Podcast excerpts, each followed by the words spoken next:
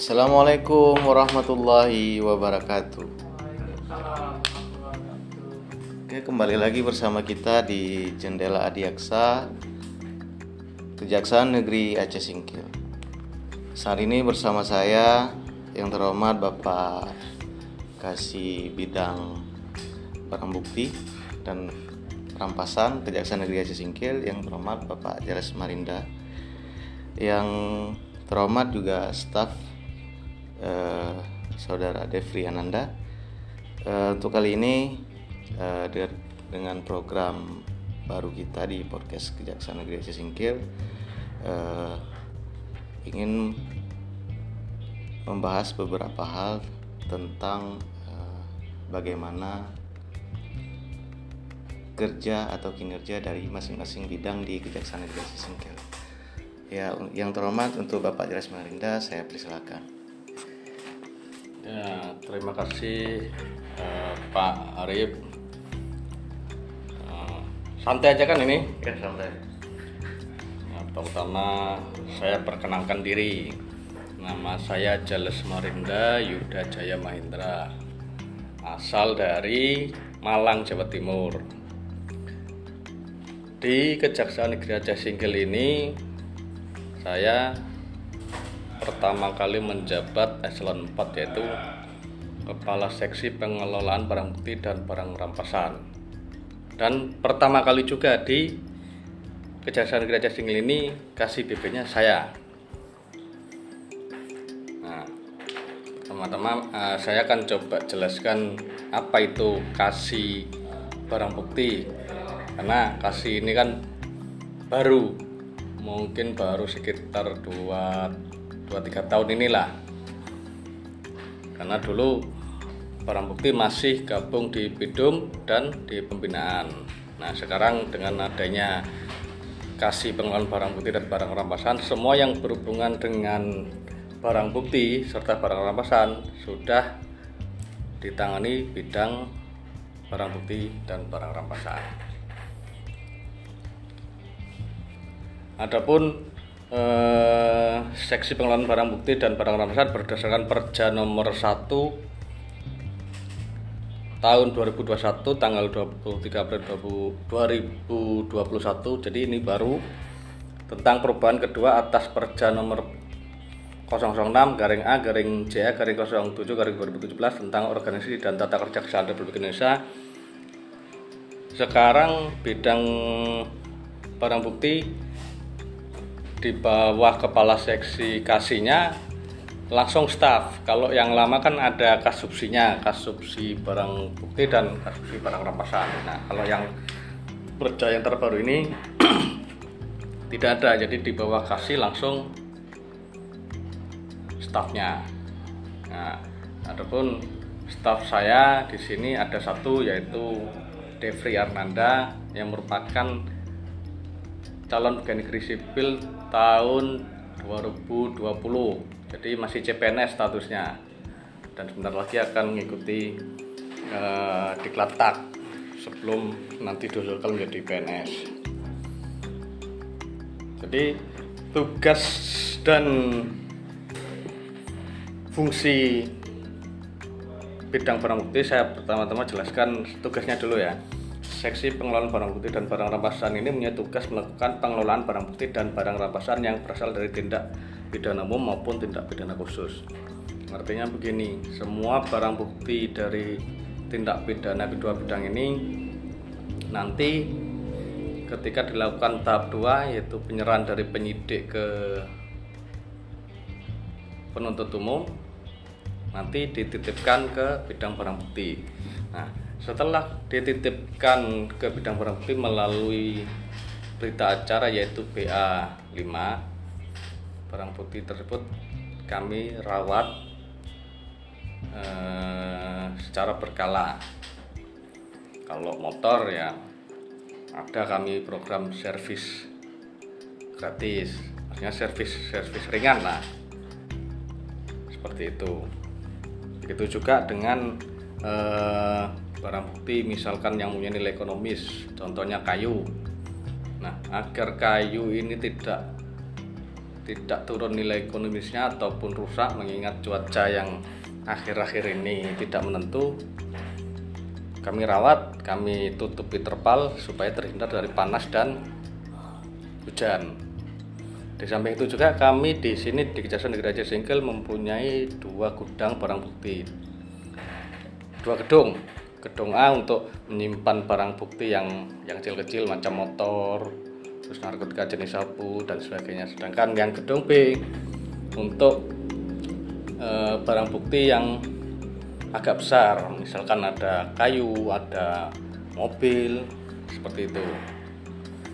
Nah fungsi dari bidang barang bukti yaitu e, ada beberapa. Satu penyiapan bahan penyusunan rencana dan program kerja yang kedua analisis dan penyiapan pertimbangan hukum pengelolaan barang bukti dan barang rampasan Ketiga, pengelolaan barang bukti dan barang rampasan meliputi pencatatan, penelitian barang bukti, penyimpanan, dan pengklasifikasian barang bukti, penitipan, pemeliharaan, pengamanan, penyediaan, dan pembelian barang bukti sebelum dan setelah sidang, serta penyelesaian barang rampasan. Keempat, penyiapan pelaksanaan koordinasi dan bekerjasama dalam pengelolaan barang bukti dan barang rampasan. Kelima, pengelolaan dan penyajian data dan informasi. Keenam, pelaksanaan pemantauan, evaluasi, dan penyusunan laporan pengelolaan barang bukti dan barang rampasan. Nah, terkait penyelesaian barang bukti yang sudah umumnya kekuatan hukum tetap kan kita berdasarkan putusan pengadilan. Kalau putusannya dikembalikan, kami kembalikan kepada eh, sesuai bunyi putusan. Nah, untuk pengembalian barang bukti kami punya program si abang yaitu layanan pengantaran barang bukti dan barang bukti tilang. Kami antarkan gratis ke rumah atau e, ke lokasi penerima barang bukti sesuai dengan bunyi putusan. Sedangkan untuk penyelesaian yang lain untuk dirampas dimusnahkan, contohnya Eh, barang bukti perkara tindak pidana narkotika berupa narkotika jenis sabu, ganja itu biasanya kami musnahkan secara berkala. Jadi mengingat di sini perkara pun tidak terlalu banyak, jadi kami kumpulkan dulu. E, kalau udah banyak baru kami musnahkan. Nanti e, dalam pemusnahan barang bukti tersebut kami mengundang Forkopimda biasanya dari ketua pengadilan, Polres, Kapolres, terus dari ketua MS, dari kepala dinas kesehatan untuk menandatangani berita acara pemusnahan. Nah, untuk penyelesaian barang bukti yang lain yaitu dirampas untuk negara dirampas negara di sini maksudnya setiap barang bukti atau barang-barang yang sudah berkekuatan hukum tetap dengan bunyi putusan dirampas oleh negara biasanya kami lelang melalui kantor KPKNL. Yang kedua bisa juga kami melakukan penjualan langsung yang nilai es, eh, taksiran harganya di bawah 35 juta mengingat selama ini eh, banyak tunggakan di tiap-tiap kejar itu dalam hal penyelesaian barang rampasan sehingga e, dikeluarkan perja untuk penyelesaian barang rampasan melalui mekanisme penjualan langsung jadi tidak tidak melalui kantor KPKNL. Tapi hasil dari lelang maupun dari penjualan langsung nanti tetap distorkan ke kas negara. Sebagai PNBP penerimaan negara bukan pajak.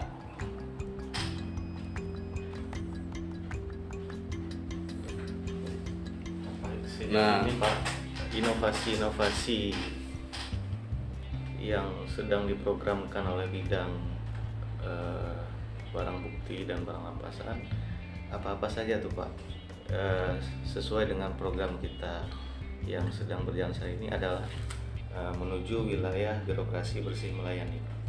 Kira-kira hal-hal apa saja itu yang paling eh, signifikan Pak dari upaya-upaya kita dalam melayani masyarakat. Seperti yang sudah saya jelaskan tadi, kami ada program siabang tadi yaitu layanan pengantaran barang bukti dan barang bukti tilang. Biasanya kalau eh, pengantaran barang bukti yang sudah berkekuatan hukum tetap, kami selalu dapat salinan atau petikan putusan dari bidang bidum ataupun bidang Jadi, sehingga kami tahu kejelasan barang bukti yang dititip itu apakah ini mau dirampas untuk dimusnahkan nah dirampas oleh negara apakah dikembalikan?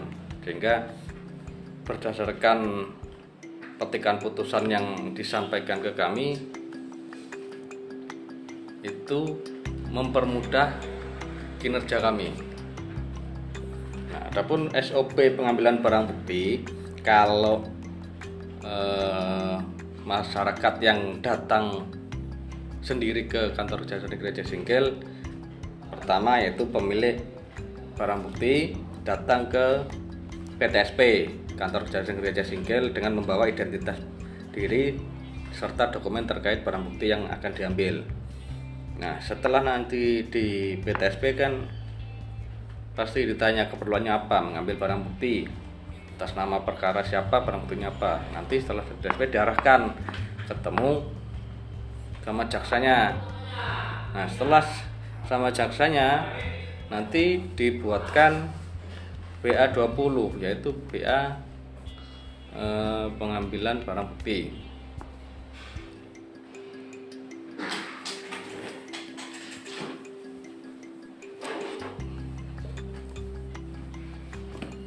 berita acara pengembalian barang bukti. Nah, ketika sudah dicocokkan dengan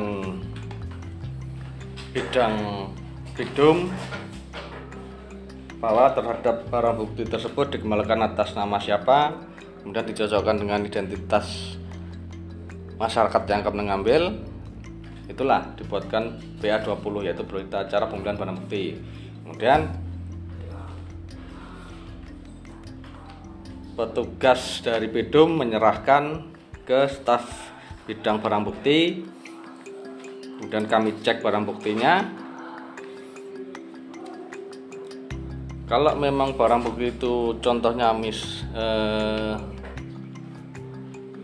apa namanya kendaraan bermotor kami ada servis salah satu inovasi kami yaitu itu eh, perawat servis ringan terhadap barang bukti kendaraan bermotor serta cuci gratis. Jadi ketika dikembalikan ke masyarakat atau pemilik barang bukti tersebut, kendaraan bermotor tersebut sudah dalam keadaan fit, artinya eh, dia pun ketika starter langsung bisa nyala, kondisi fisiknya juga bersih karena siap dicuci. Itu. Nah, ketika barang bukti yang kami antarkan biasanya karena sudah punya pegangan petikan putusan, kami koordinasi by phone, artinya kepada masyarakat yang yang akan dikembalikan barang buktinya itu kami minta biodatanya. Kemudian kami buatkan BA20 nanti barang bukti beserta BA20 kami bawa ke rumah pemilik barang bukti tersebut. Kemudian kami tanda tangankan di sana. Itulah SOP e, eh, pengembalian barang bukti.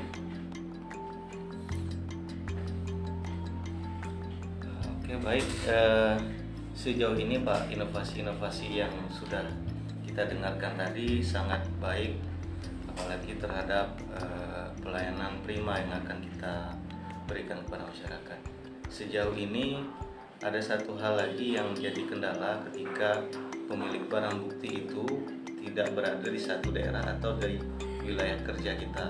Kira-kira uh, jalan keluarnya bagi si pemilik uh, barang bukti ini kira-kira apa yang memudahkan untuk dia bisa mengaksesnya? Baik, pada saudara DP saya persilakan. Baik Pak, jadi uh, kami Kejaksaan Negeri Aceh Singkil khususnya bidang barang bukti dan barang rampasan, kami mempunyai inovasi uh, PTSP Kejari Aceh Singkil.go.id. Jadi kepada pemilik barang buktinya, pemilik barang bukti bisa melihat status barang buktinya, apa barang bukti masih proses persidangan atau telah putus. Kemudian di dalam website kami kepada pemilik barang bukti uh, bisa melakukan mengisi form barang bukti untuk kami proses langsung tanpa uh, tanpa tanpa, uh, tanpa harus datang ke kantornya. Iya. Jadi langsung melalui via phone uh, mengunjungi website kami, mengisi formnya, tidak perlu lagi jauh-jauh datang ke kantor ataupun di, di luar daerah, bisa langsung kami proses. Kemudian untuk pengantaran barang bukti sebelum diantar, inovasi dari kami, kami melakukan servis dan cuci motor gratis. Jadi pihak Kejaksaan Negeri Aceh Singkil telah melakukan MOU terhadap bengkel dan uh, tempat pencucian yang mana kami melakukan pelayanan prima terhadap barang bukti. Jadi barang bukti tidak hanya dititipkan tetapi kami jaga, kami rawat dan kami kelola dengan sebaik mungkin sehingga pemilik barang bukti juga merasa aman dan puas terhadap barang bukti yang dimilikinya.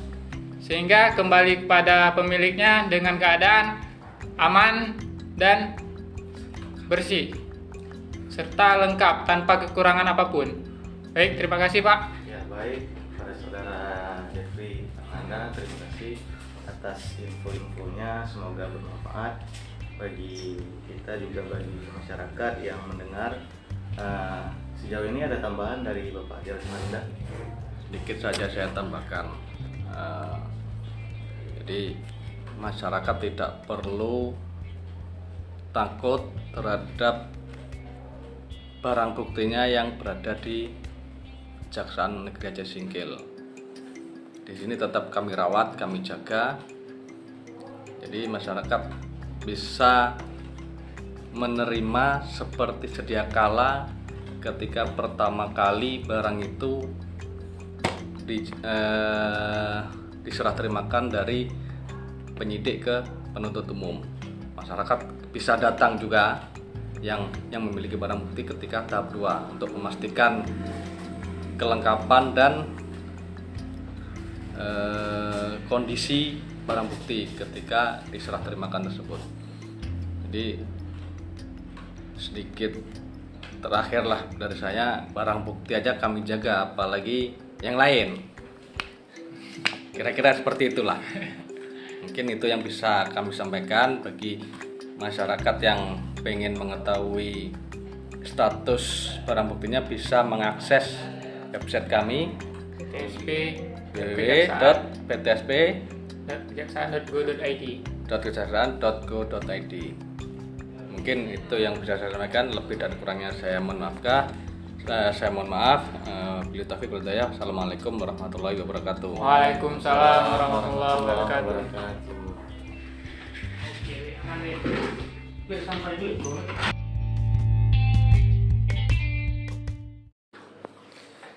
Assalamualaikum warahmatullahi wabarakatuh.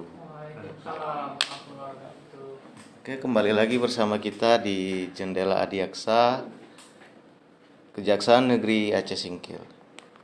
Saat ini bersama saya yang terhormat Bapak Kasih Bidang Barang Bukti dan Rampasan Kejaksaan Negeri Aceh Singkil yang terhormat Bapak Jares Marinda yang terhormat juga staf eh, Saudara Devri Ananda.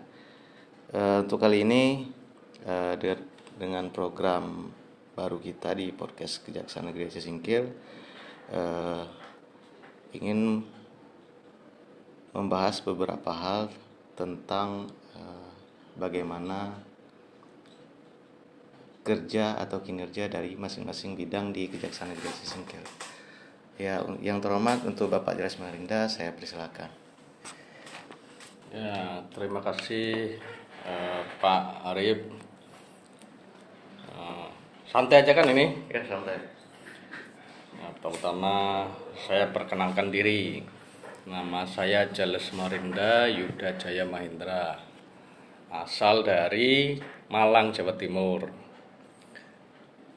Di Kejaksaan Negeri Aceh Singkil ini saya pertama kali menjabat eselon 4 yaitu Kepala Seksi Pengelolaan Barang Bukti dan Barang Rampasan.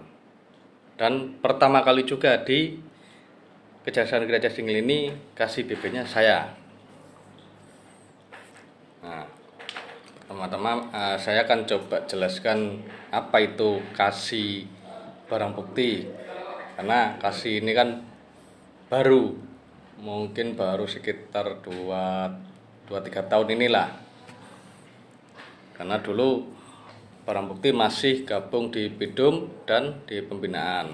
Nah, sekarang dengan adanya kasih pengelolaan barang bukti dan barang rampasan, semua yang berhubungan dengan barang bukti serta barang rampasan sudah ditangani bidang barang bukti dan barang rampasan. Adapun eh, seksi pengelolaan barang bukti dan barang rampasan berdasarkan Perja nomor 1 tahun 2021 tanggal 23 April 2021 jadi ini baru tentang perubahan kedua atas Perja nomor 006 garing A garing J garing 07 garing 2017 tentang organisasi dan tata kerja kesehatan Republik Indonesia sekarang bidang barang bukti di bawah kepala seksi kasihnya langsung staff. Kalau yang lama kan ada kasubsinya, kasubsi barang bukti dan kasubsi barang rampasan. Nah, kalau yang berjaya yang terbaru ini tidak ada, jadi di bawah kasih langsung stafnya. Nah, adapun staf saya di sini ada satu yaitu Devri Arnanda yang merupakan calon pegawai negeri sipil tahun 2020 jadi masih CPNS statusnya. Dan sebentar lagi akan mengikuti eh, diklat tak sebelum nanti diusulkan menjadi PNS jadi tugas dan fungsi bidang barang bukti saya pertama-tama jelaskan tugasnya dulu ya Seksi pengelolaan barang bukti dan barang rampasan ini punya tugas melakukan pengelolaan barang bukti dan barang rampasan yang berasal dari tindak pidana umum maupun tindak pidana khusus.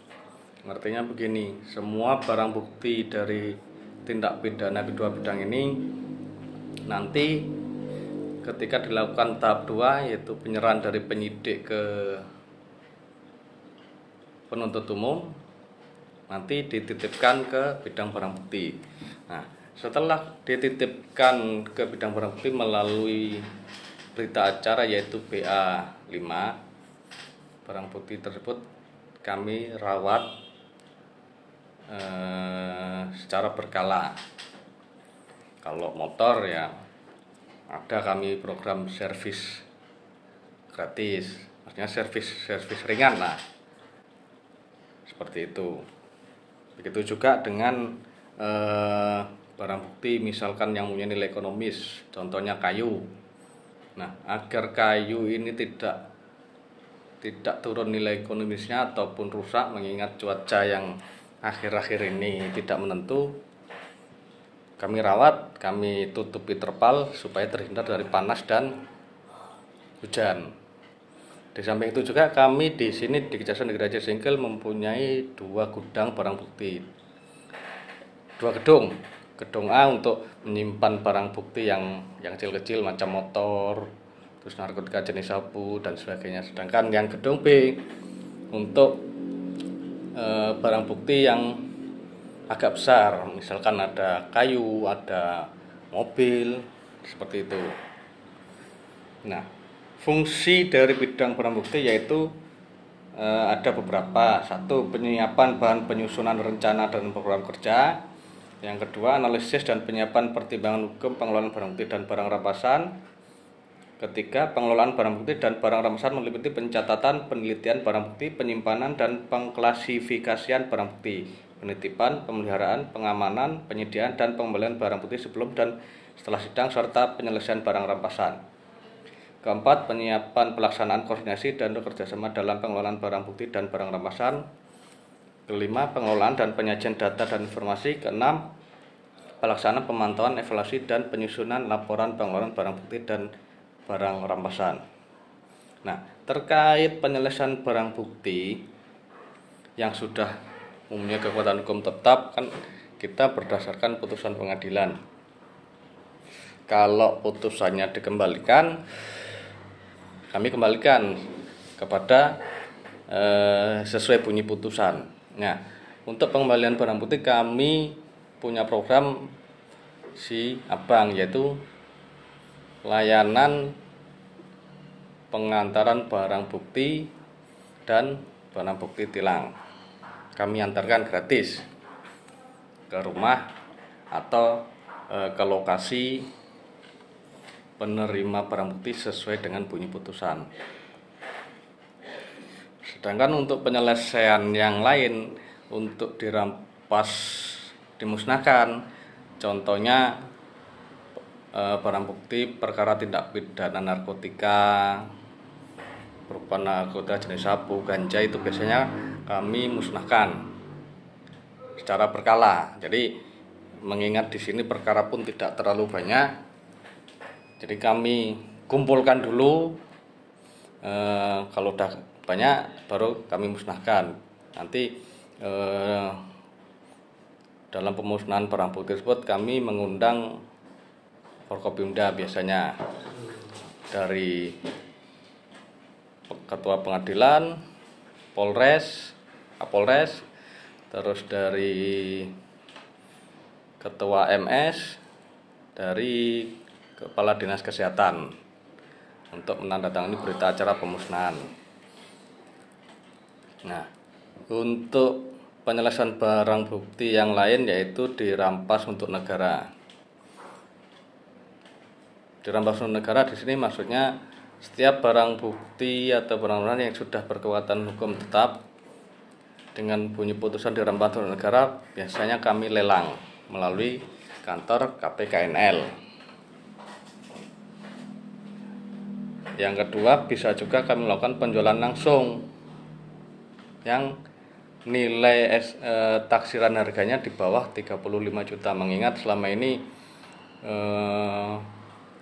banyak tunggakan di tiap-tiap kejar itu dalam hal penyelesaian barang rampasan. Sehingga e, dikeluarkan perja untuk penyelesaian barang rampasan melalui mekanisme penjualan langsung. Jadi tidak tidak melalui kantor KPKNL tapi hasil dari lelang maupun dari penjualan langsung nanti tetap distorkan ke kas negara sebagai PNBP penerimaan negara bukan pajak.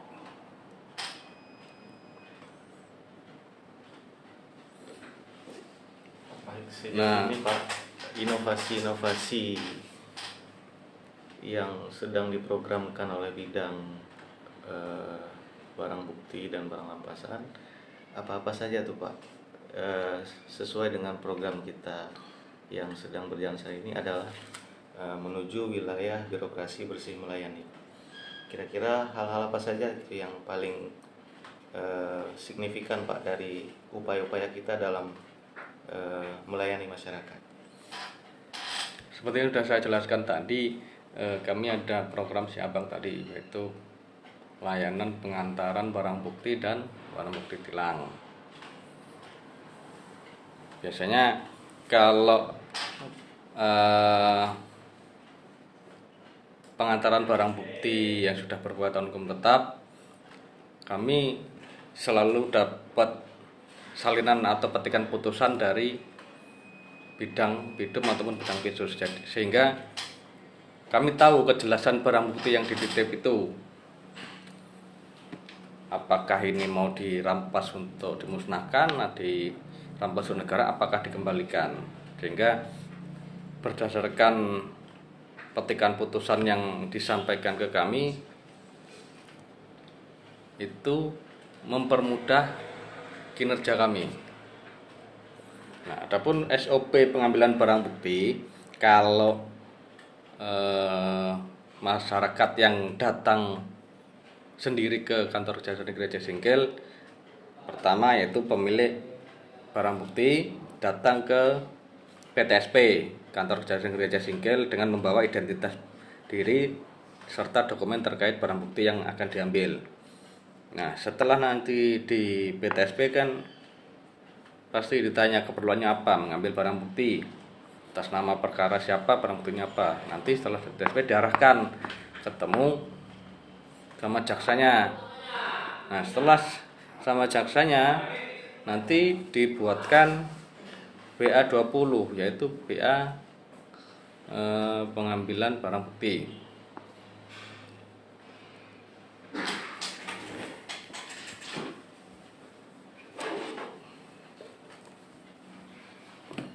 berita acara pengembalian barang bukti.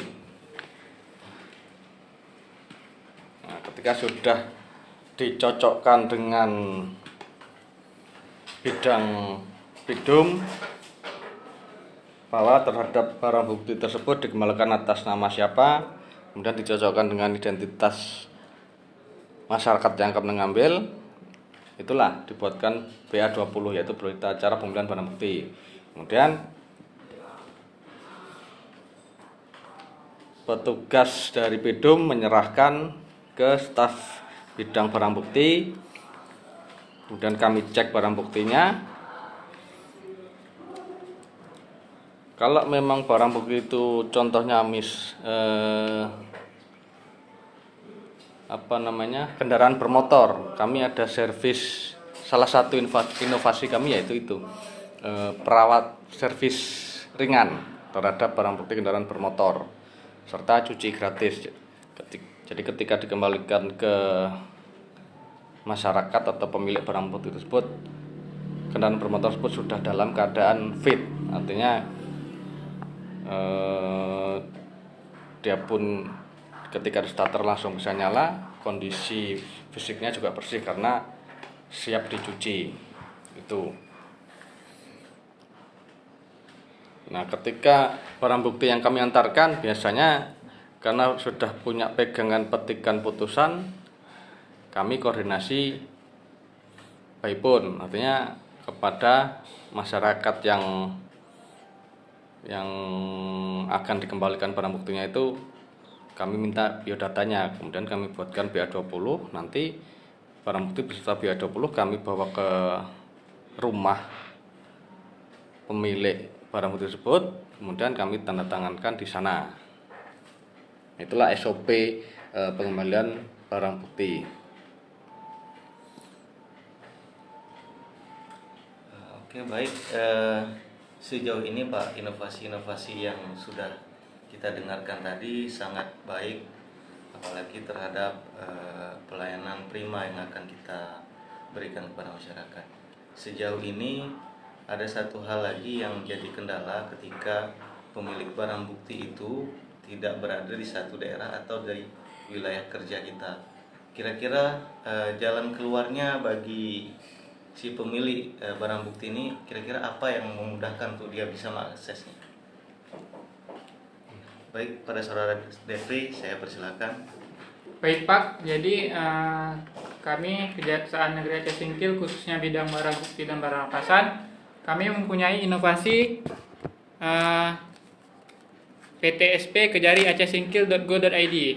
Jadi kepada pemilik barang buktinya, pemilik barang bukti bisa melihat status barang buktinya, apa barang bukti masih proses persidangan atau telah putus. Kemudian di dalam website kami kepada pemilik barang bukti uh, bisa melakukan mengisi form barang bukti untuk kami proses langsung tanpa uh, tanpa tanpa, uh, tanpa harus datang ke kantornya. Iya.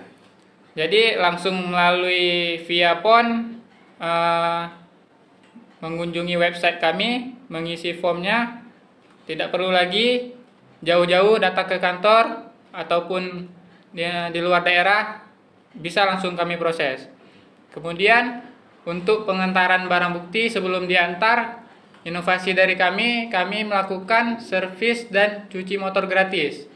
Jadi pihak Kejaksaan Negeri Aceh Singkil telah melakukan MOU terhadap bengkel dan uh, tempat pencucian, yang mana kami melakukan pelayanan prima terhadap barang bukti. Jadi barang bukti tidak hanya dititipkan, tetapi kami jaga, kami rawat dan kami kelola dengan sebaik mungkin sehingga pemilik barang bukti juga merasa aman dan puas terhadap barang bukti yang dimilikinya sehingga kembali kepada pemiliknya dengan keadaan aman dan bersih serta lengkap tanpa kekurangan apa pun. Baik, terima kasih Pak. Ya baik, pada saudara Devri Ananda, terima kasih atas info-infonya. Semoga bermanfaat bagi kita juga bagi masyarakat yang mendengar. Uh, sejauh ini ada tambahan dari Bapak Jalan Manda? Sedikit saja saya tambahkan. Uh, jadi masyarakat tidak perlu takut terhadap barang buktinya yang berada di Kejaksaan Negeri Aceh Singkil. Di sini tetap kami rawat, kami jaga. Jadi masyarakat bisa menerima seperti sedia kala ketika pertama kali barang itu di, eh, diserah terimakan dari penyidik ke penuntut umum. Masyarakat bisa datang juga yang yang memiliki barang bukti ketika tahap 2 untuk memastikan kelengkapan dan eh, kondisi barang bukti ketika diserah terimakan tersebut. Jadi sedikit terakhirlah dari saya barang bukti aja kami jaga apalagi yang lain. Kira-kira seperti itulah. Mungkin itu yang bisa kami sampaikan bagi masyarakat yang pengen mengetahui status barang buktinya bisa mengakses website kami PTSP www.ptsp kejaksaan.go.id kejaksaan.go.id mungkin itu yang bisa saya sampaikan lebih dan kurangnya saya mohon maafkah saya mohon maaf uh, Bila Taufik Hidayah Assalamualaikum warahmatullahi wabarakatuh Waalaikumsalam warahmatullahi wabarakatuh Oke, aman deh. Biar sampai dulu,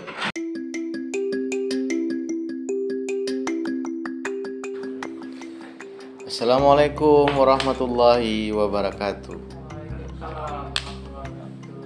Oke, kembali lagi bersama kita di Jendela Adiaksa Kejaksaan Negeri Aceh Singkil. Saat ini bersama saya yang terhormat Bapak Kasih Bidang Barang Bukti dan Rampasan Kejaksaan Negeri Aceh Singkil yang terhormat Bapak Jales Marinda yang terhormat juga staf eh, saudara Devri Ananda. Eh, untuk kali ini eh, dengan program baru kita di podcast Kejaksaan Negeri Singkil eh, ingin membahas beberapa hal tentang eh, bagaimana kerja atau kinerja dari masing-masing bidang di Kejaksaan Negeri Singkil. Ya, yang terhormat untuk Bapak Jelas Marinda, saya persilakan. Ya, terima kasih uh, Pak Arif. Santai aja kan ini? Ya, santai. Nah, pertama saya perkenalkan diri.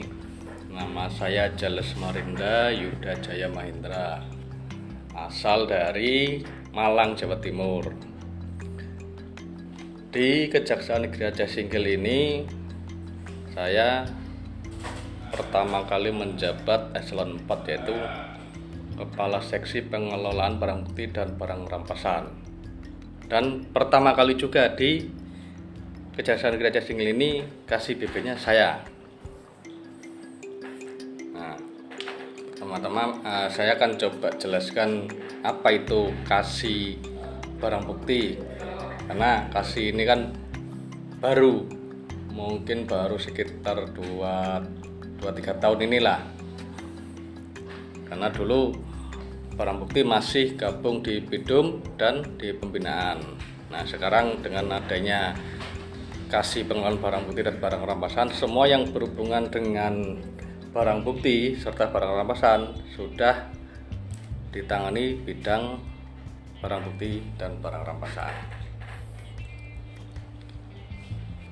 Adapun eh, seksi pengelolaan barang bukti dan barang rampasan berdasarkan Perja nomor 1 tahun 2021 tanggal 23 April 2021 jadi ini baru tentang perubahan kedua atas Perja nomor 006 garing A garing JA garing 07 garing 2017 tentang organisasi dan tata kerja kesehatan Republik Indonesia. Sekarang bidang barang bukti di bawah kepala seksi kasihnya langsung staff. Kalau yang lama kan ada kasubsinya, kasubsi barang bukti dan kasubsi barang rampasan. Nah, kalau yang perda yang terbaru ini tidak ada, jadi di bawah kasih langsung staffnya. Nah, adapun staff saya di sini ada satu yaitu Devri Arnanda yang merupakan calon pegawai negeri sipil tahun 2020 jadi masih CPNS statusnya. Dan sebentar lagi akan mengikuti uh, diklat tak sebelum nanti diusulkan menjadi PNS jadi tugas dan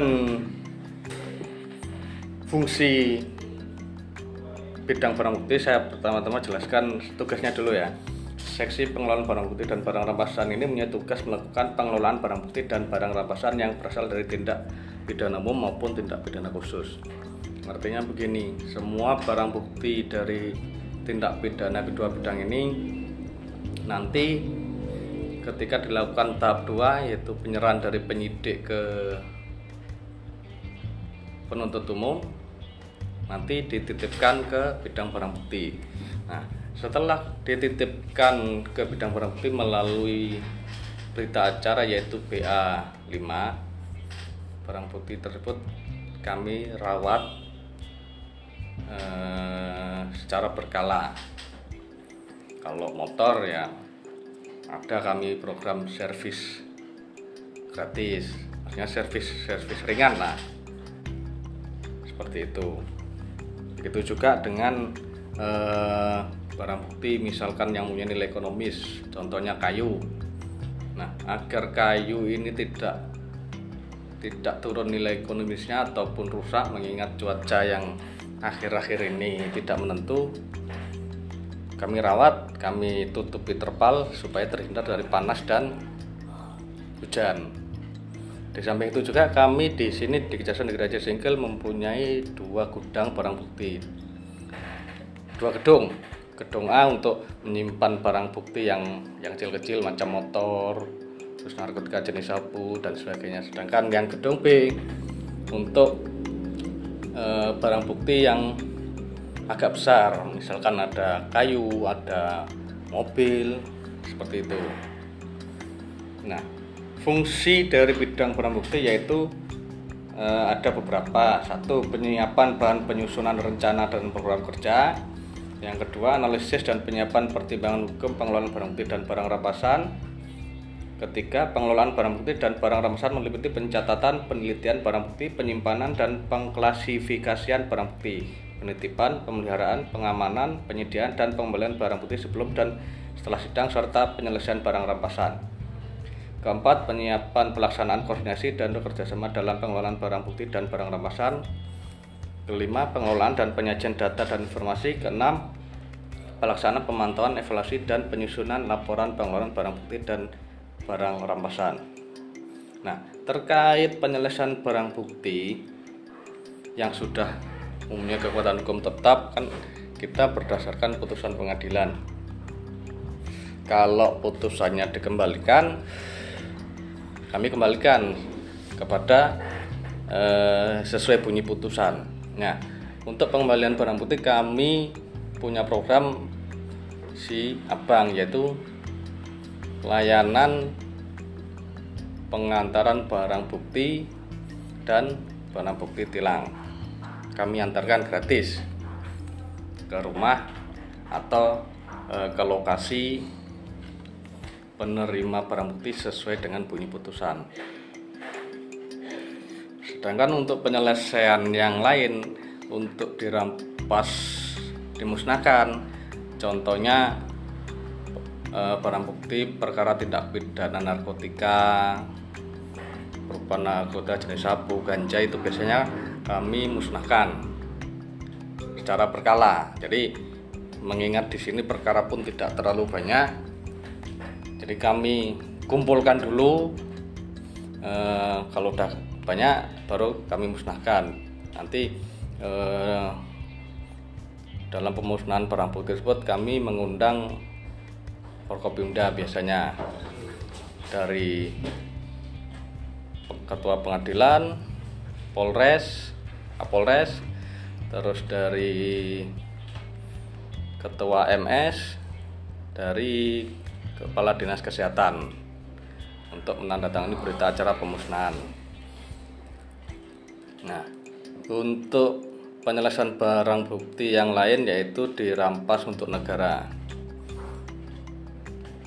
Dirampas untuk negara di sini maksudnya setiap barang bukti atau barang-barang yang sudah berkekuatan hukum tetap dengan bunyi putusan dirampas untuk negara biasanya kami lelang melalui kantor KPKNL. Yang kedua bisa juga kami melakukan penjualan langsung yang nilai es, eh, taksiran harganya di bawah 35 juta. Mengingat selama ini eh, banyak tunggakan di tiap-tiap kejari itu dalam hal penyelesaian barang rampasan sehingga eh, dikeluarkan perja untuk penyelesaian barang rampasan melalui mekanisme penjualan langsung. Jadi tidak tidak melalui kantor KPKNL tapi hasil dari lelang maupun dari penjualan langsung nanti tetap distorkan ke kas negara. Sebagai PNBP penerimaan negara bukan pajak.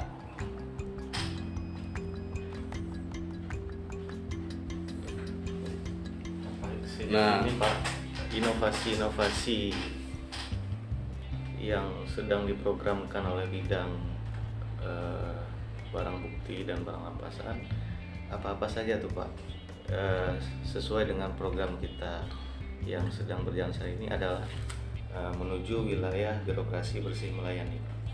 Kira-kira hal-hal apa saja itu yang paling eh, signifikan Pak dari upaya-upaya kita dalam melayani masyarakat? Seperti yang sudah saya jelaskan tadi, kami ada program siabang tadi yaitu layanan pengantaran barang bukti dan barang bukti tilang. Biasanya kalau eh,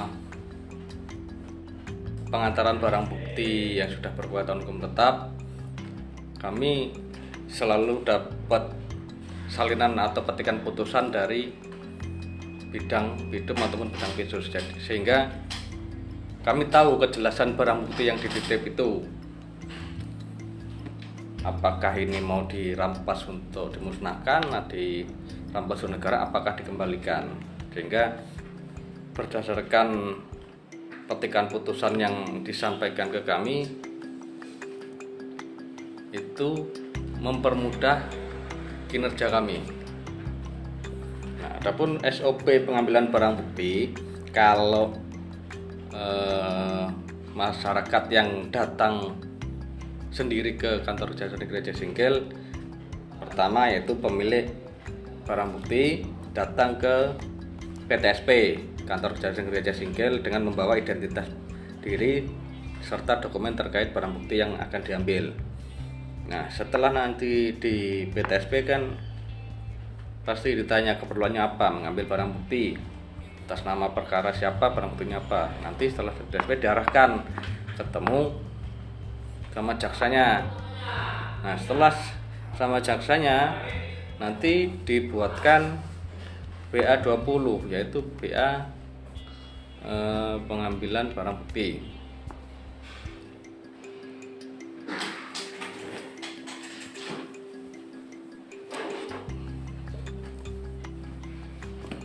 berita acara pengembalian barang bukti. Nah, ketika sudah dicocokkan dengan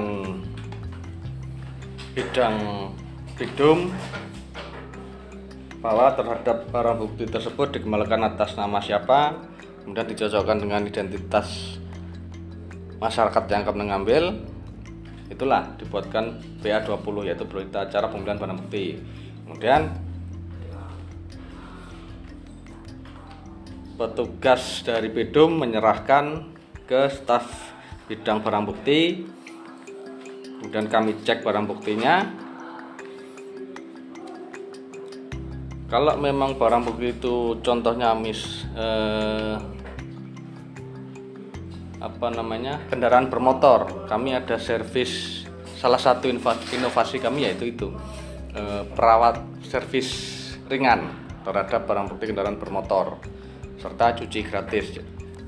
Jadi ketika dikembalikan ke masyarakat atau pemilik barang bukti tersebut kendaraan bermotor tersebut sudah dalam keadaan fit. Artinya eh, dia pun ketika starter langsung bisa nyala kondisi fisiknya juga bersih karena siap dicuci.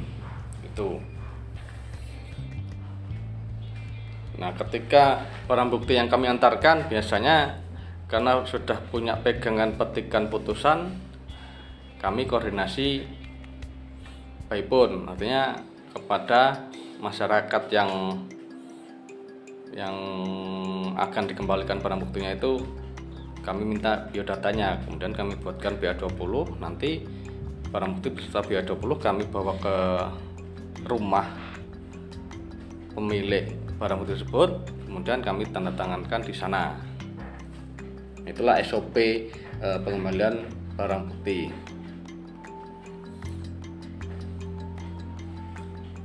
Oke baik. Eh, sejauh ini Pak inovasi-inovasi yang sudah kita dengarkan tadi sangat baik apalagi terhadap uh, pelayanan prima yang akan kita berikan kepada masyarakat. Sejauh ini ada satu hal lagi yang menjadi kendala ketika pemilik barang bukti itu tidak berada di satu daerah atau dari wilayah kerja kita. Kira-kira uh, jalan keluarnya bagi si pemilik eh, barang bukti ini kira-kira apa yang memudahkan untuk dia bisa mengaksesnya? Baik pada saudara Devri saya persilakan.